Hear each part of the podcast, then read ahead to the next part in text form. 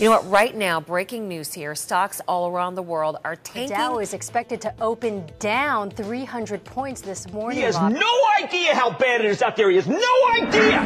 Lehman Brothers is going bankrupt. Disse lydklippene er nå ti år gamle. De er fra høsten 2008, og da banken Lehman Brothers gikk konkurs var det et faktum. En finanskrise var i gang. Problemet er at mange land uh, har stater som har altfor høy gjeld. Man fortsetter et system ved å dytte inn mer penger i et bunnløst hull hvor gjelda faktisk stiger. Problemet er Argentina's financial crisis has been festering for 15 years. altfor høy gjeld. Alt- alt- Altfor høy gjeld. Stadig tøffere og tøffere og tøffere over i disse landene. Du hører på Gjeldsbrevet, Slugg nettverk for rettferdig gjeldspolitikk sin podkast. I denne episoden så markerer vi at det er ti år siden finanskrisa. Dette var en krise som fikk alvorlige konsekvenser for realøkonomien, eller verdiskapningen i samfunnene våre, altså land og folk sine arbeidsplasser og penger. Vi lever fortsatt med konsekvensene av den, og vi skal se på hva vi har lært, og hvilke følger det har fått for gjeldssituasjonen i verden. Men først En kjapp oppsummering av hva som skjedde for ti år siden. Noe av årsaken til finanskrisens utbrudd i USA var boliglån som var gitt over en lav sko til amerikanske boligeiere. Såkalte subprime-lån, eller ninja-lån. No income, no job, no assets. Bankene hadde lånt ut til folk som ikke kunne betale tilbake, og så solgte de denne råtne gjelda til investeringsbanker, som pakket dem sammen for å spre risikoen, og solgte dem videre som investeringsprodukter, til og med til norske kommuner. En av grunnene til at de kunne det, var at de fjernet en regulering i USA som het The Glass-Steagall Act. Dette var en lov som ble innført etter den store depresjonen i 1929-1933 for å unngå at et lignende krakk skulle skje igjen. I loven separerte man forretningsbank og investeringsbank. Forretningsbank er den typen bank hvor du setter inn sparepengene dine og tar opp boliglån, mens investeringsbanker handler med verdipapirer, derivater og andre finansinstrumenter. Glass-Steagall Act bestemte at forretningsbankene selv måtte ta ansvar for de pengene de lånte ut til folk. Men når den ble endelig opphevet i 1999, kunne forretningsbankene begynne å oppføre seg som investeringsbanker. Da kunne de ta imot sparepenger eller låne ut penger til vanlige folk, og så spekulere med sparepengene eller selge boliggjelda som verdipapirer til noen andre. I 2007 var det mange amerikanere som ikke kunne betale tilbake på lånene sine, og det brøt ut en boligkrise. Bankene fikk ikke inn penger, og folk måtte flytte fra husene sine. Prisene sank drastisk for første gang siden 30-tallet. Det ble rett og slett kaos. USAs største finansinstitusjoner hadde solgt verdipapirer fulle av råtten gjeld, og de begynte å skjelve. I 2008 gikk flere investeringsbanker konkurs, og blant dem Lehman Brothers. Siden bankene i hele verden er tett sammenknyttet, fikk det følge for langt utover USAs grenser. Og da var det krise. Vi skal dykke litt inn i hva som har skjedd etter krisa etter hvert. Men først så ønsker vi å skjønne litt mer av hvorfor sånne kriser kan skje. Skjønner ikke disse finansfolka noen ting før det er for seint? Vi tok en prat med Roman Eliassen. Han er samfunnsøkonom i Manifest Tankesmie, og forfatter av boka Hysj, vi regner. En bok om hvorfor økonomer ikke forstår virkeligheten. Og han skal lære oss mer om krisenes natur.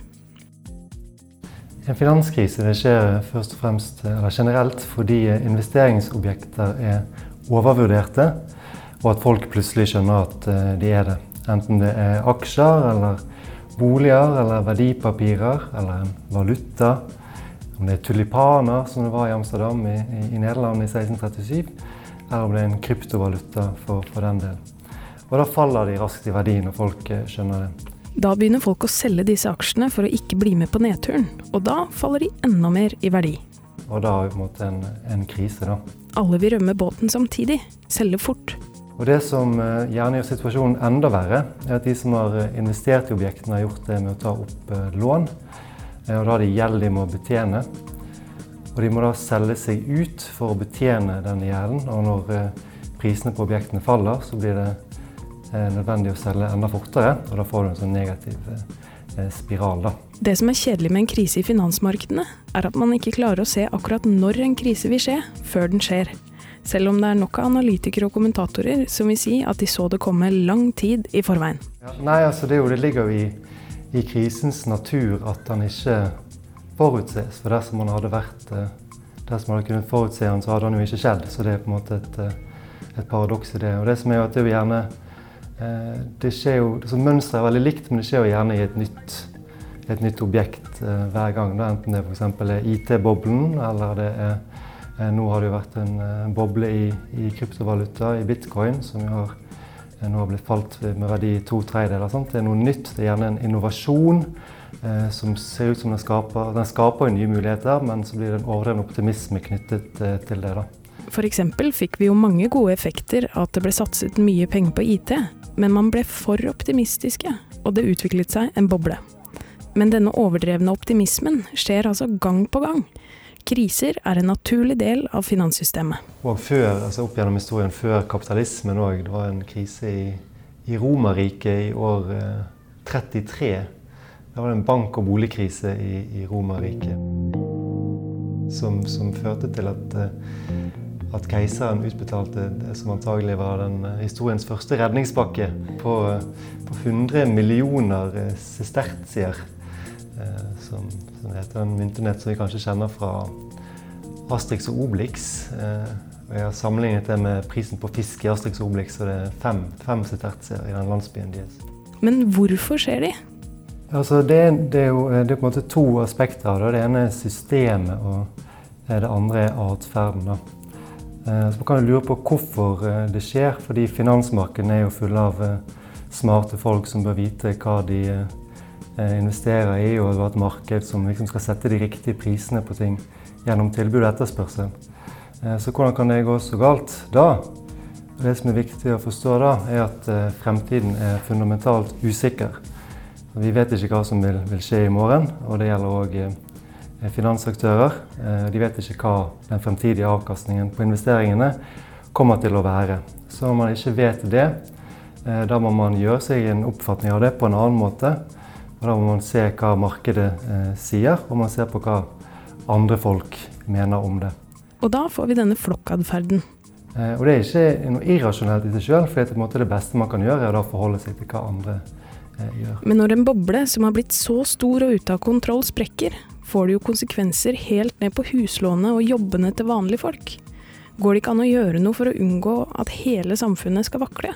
Så du kan jo si at en, Den, den atferden er jo veldig vanskelig å å gjøre noe med. fordi det er helt, helt, menneskelig når vi ikke vet hva fremtiden vil, vil, bringe. Ofte er jo det, så det kan jo være altså, oppsving i masse markeder som òg eh, det, det, det, blir aldri noe krakk, på en måte. Sant? Så det er vanskelig å vite hva som er, eh, hva som er en boble, og hva som ikke er en boble. Nettopp, ja, og det er nettopp derfor det blir en boble, fordi man ikke, ikke vet det. Så, så derfor må vi se på systemet hvordan det er bygget opp politisk og institusjonelt. Det er jo det som må sørge for at, at det er rammene som, som atferden eh, opererer innenfor, sånn at må, må, regulere, må regulere det, da, sånn at konsekvensene av det ikke blir så store. Da. Så det er jo politikkens oppgave å kanskje moralisere folk. Liksom, nå må dere ta dere sammen og bli mer rasjonelle, for det er ikke det som er, eh, poenget. Sant? folk eh, som skal tjene penger, de skal tjene penger, og de bruker de mulighetene de kan på det, og sånn er nå det. Og i etterpåklokskapens lys, hvis vi ser tilbake på hva som skjedde i 2008, hvilke systemfeil ser vi da? En generell grunn til det, så jeg tror vi kan se på altså fra, um, fra 1970-tallet og utover, så ble jo finansmarkedene si, deregulert i større grad. Eller i hvert fall fjernet en del av, av reguleringene. I tillegg til at du fikk større grad av internasjonale kapitalstrømmer. Altså det var eh, friere kapitalbevegelser mellom land. I etterkrigstiden, eller Bretton Woods-perioden som fulgte etter at verden kom sammen og opprettet IMF og Verdensbanken, da var finans- og kapitaltransaksjoner mellom land strengt regulert, og vi hadde ingen kriser i den perioden. Men når markedet ble deregulert, kom krise etter krise. Da får du først krise eh, i Mexico og en del andre u-land på 70-tallet. Eh, så ser du da seinere eh, krise i Japan og i Skandinavia helt på slutten av 80-tallet, begynnelsen av 90-tallet. Du får en Asiakrise midten, slutten av uh, eh, 90-tallet. Du får IT-boblen på begynnelsen av uh, eh, 2000-tallet. Og så får du da finanskrisen i 2007-2008. Ok, så krise skjer, Og med unntak av Bretton Woods-perioden, som var unormalt stabil på tross av høy økonomisk vekst, så kommer de med jevne mellomrom. Det er ikke fordi mennesker opptrer irrasjonelt. De tar beslutninger på det beste grunnlaget de har, og da gjerne ved å se hva andre gjør. Vi mennesker er jo optimistiske av natur. Vi har troa på at ting skal gå bra. Og da hender det at vi investerer for mye og er overoptimistiske.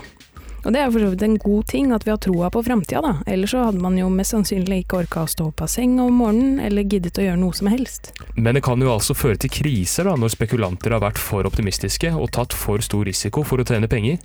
Og finanskrisa for ti år siden fikk store konsekvenser for samfunnet. Folk mista husene sine, og så, siden det ikke var noe tillit i finanssystemet, så ble tilgangen på kapital liten selv for bedrifter som drev godt. Derfor var det mange som mistet jobbene sine. Når folk mister jobbene sine, har de ingen lønn å betale skatt av. Derfor sank inntekten til staten, som igjen da fikk mindre økonomiske muskler til å stimulere økonomien for at bedriftene kunne ansette flere. En ond sirkel der, altså. Jepp. Og nå kommer vi inn på noe som du og jeg syns er veldig spennende, Kristoffer. Mhm. Land har nemlig lagt seg opp skyhøy statsgjeld i perioden etter finanskrisen. Enorme statlige beløp ble brukt på redningspakker for å hindre at flere banker skulle gå konkurs. Og lånte penger har altså blitt sprøyta inn i økonomien. Så mange stater har da i tiden siden krisen brukt mange verktøy for å stimulere økonomien, eller for å få fart på den igjen, med andre ord. Og det ene er såkalte kvantitative lettelser. Eh, som, som vil si at man eh, kjøper eh, verdipapirer direkte fra institusjonelle investorer, som det heter, forsikringsselskap og pensjonsfond. Og så kommer det penger rett inn i økonomien på den måten, heller enn at det går omveien via banken, sånn som de vanligvis holder på. Tanken med disse pengene er at investorene skal investere i bedrifter som vil skape vekst, og det har blitt gitt kvantitative lettelser i ekstremt stor skala. Altså, den europeiske sentralbanken kom litt seint på banen der, men når de først begynte med de kvantitative lettelsene, så har de jo sprøytet inn 60 milliarder euro i måneden en stund. Og, I måneden! Det er spredt. og nå har det trappet ned til 30, og så 15. Men altså, ja. Eh, 60 milliarder euro i, i måneden, da. Og ja, så vet jeg ikke hva tallene i USA, men de har jo drevet med enorme kvantitative lettelser. Og i tillegg har sentralbanken i vestlige land operert med vanvittig lav rente. Nå har vi sett eh, vært borti negative renter òg i, i eurosonen. Og når renta er lav, da taper man penger på å spare og vinner på å låne. Lånefest! ja, og lånefest, det er jo vi ganske skeptiske når vi hører Eller vi blir jo litt bekymra her i gjeldsbrevet når vi hører eh, ordet lånefest. Det gjør vi absolutt, og derfor tok vi en prat med Thea Sofie Rusten Grastveit, som er politisk rådgiver i Slugg, for å høre hva hun tenker om den saken. Kvantitative lettelser har da på en måte i kombinasjon med lave renter, så er det ment å gi enkeltinngang til lån for selskaper i europeiske land for å skape økonomisk vekst. Men det har på en måte ikke helt fungert etter intensjonen. Tanken var jo at disse pengene og den lave renta skulle stimulere til vekst i Vesten, men det er ikke bare det som har skjedd. Eh, og grunnen til det er at det har vært mye høyere avkastning eh, ved å investere pengene sine i utviklingsland. Fordi utviklingsland har hatt mye høyere økonomisk vekst etter finanskrisen det Europa og USA har hatt. Og en investor vil alltid ønske å få mest mulig ut av en investering. Så eh, lang historie kort, så har tiltak man har satt inn etter finanskrisen, har hatt en uintendert effekt. eh, Og den effekten er at man har hatt en rekordhøy gjeldsvekst i utviklingsland. Ja, det blinker i varsellamper både her og der. Og ifølge IMF sine Debt Sustainability Analysis så er 31 av 67 utviklingsland enten i krise eller i høy fare for å havne i krise. Og mange av disse er land som tidligere igjen har fått gjeldslette gjennom HIPIC. Kriser som kommer igjen og igjen, altså. Selv om måte det er utviklingsland primært som havner i krise nå, som en sånn andre etterdønning etter finanskrisen, så er det jo ikke sånn at måte problemet begrenser seg jo ikke til utviklingsland. Det er fordi europeiske land har jo allerede de gjeldsbruddene man pådro seg i den akutte fasen etter finanskrisen, og nå er det på en måte utviklingsland som kommer etter. Så de gjeldsproblemene man ser globalt nå, er jo på en måte liksom et bredt bilde. Det er liksom over hele fjøla. Så det begrenser seg til utviklingsland. Eh, så det kan man vel trygt si er et av de verste resultatene av finanskrise. Konsekvensene av det høye gjeldsnivået kan få forferdelige følger over hele verden. Det er jo allerede renta historisk lav. Eh, som en respons på forrige krise.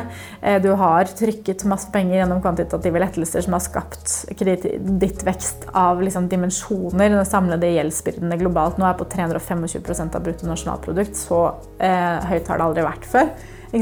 Så vi kommer inn i en ny krise med en historisk høy gjeldsbyrde, med budsjettunderskudd og verktøykassa ganske tom. Fordi vi allerede har brukt alt vi har på settende rente og kvantitative lettelser etc. Og rekordlav rente og rekordhøyt gjeldsnivå er en farlig blanding. Hva skjer når renta stiger? For den må stige snart, sier økonomene.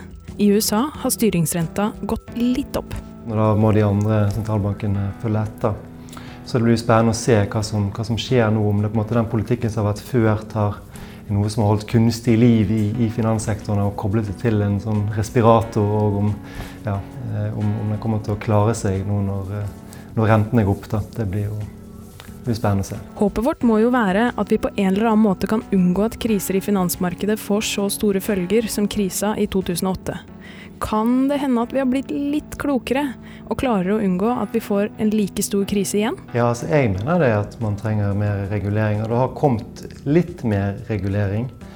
Um, når det gjelder kapitalkrav til bankene, er kanskje særlig den, den viktigste som gjør at bankene må ha eh, mer egenkapital enn de hadde før, i det såkalte Basel 4-regelverket. Men bankene har fortsatt veldig lavt krav til å ha sikkerhet i kapital, sammenlignet med andre bedrifter. Sentralbanken vil, vil, eh, vil være långiver i siste instans dersom, de, eh, dersom det blir en fare for en systemisk krise. Så de har ganske gode, gode forretningsvilkår. Da. Og det er altså ikke kommet særlig mange flere reguleringer?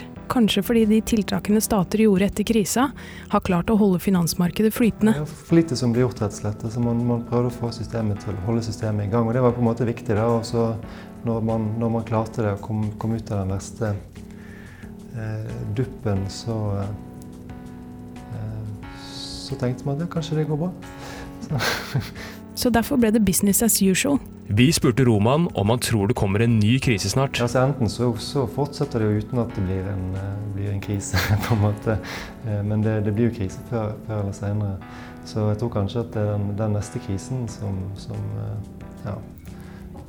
Etter den neste krisen så, så blir det ja, en ny mulighet til å forhindre at man får den neste krisen etter det. Ja. Mm. Roman holder fram at siden det ikke er atferden som er problemet, så er det systemet man må sette i fokus. Konsekvensene av uheldig atferd begrenses av strenge reguleringer, f.eks. av produktene finansinstitusjonene kan lage, eller av kapitalbevegelser mellom land. Noe av det samme forteller Thea om den statsgjeldssituasjonen verdens land nå er i. Det er reguleringer og fokus på systemet som er løsningen. Så er det på en måte nesten for mye forlangt at enkeltland eller enkeltpersoner skal på en måte stå imot en sånn liksom, tsunami av penger som kommer mot deg, og at man på en måte må heller ha systemer som tøyler de kreftene. Da. Og en måte å tøyle de kreftene på, er jo å få på plass et uh, internasjonalt system som krever ansvarlighet av långivere, som krever ansvarlighet av lånetagere et eh, godt system for rettferdig låneopptak og långivning. Det er jo noe vi i Slugg ønsker oss. Det ville både ha kunne løst kriser og forhindra nye kriser. Mm.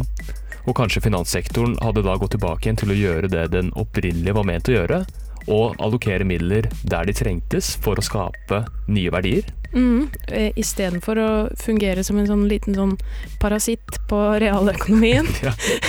som bare suger ut eh, maksprofitt uten å, å, tenke at, at realøkonomi og finansøkonomi skal fungere i et vakkert samspill. Ja, hånd i hånd, som vi liker å sitte her i studio også, Karine. ja, det er veldig koselig. Mm. Eh, det var det vi hadde for denne gang, var det ikke Karine? Det var det. Vi har jo lært veldig mye om eh, finanskrisa. Nå har det altså gått ti lange år. Mm. Eh, folk snakker om at det kanskje kommer nye kriser. Mm. Eh, det blir spennende å se. Vi lider jo ennå under den forrige krisa, så det er jo Eller altså kanskje ikke akkurat vi to, men veldig mange der ute gjør jo det. Det er sant.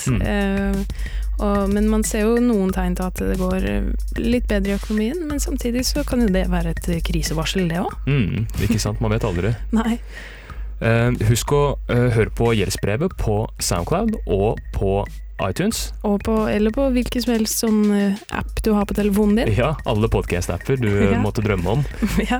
Og husk å følge Slugg på Facebook ja, det må dere gjøre. Og på Twitter. og på Twitter. Og hvis du har lyst til å lære mer om gjeldspolitikk, så gå inn på slugg.no. Eh, mitt navn er Kristoffer Jacobsen, Og jeg er Karoline Arnesen. og dette er Gjeldsbrevet til Slugg. Takk for oss. Takk for oss. Vi høres.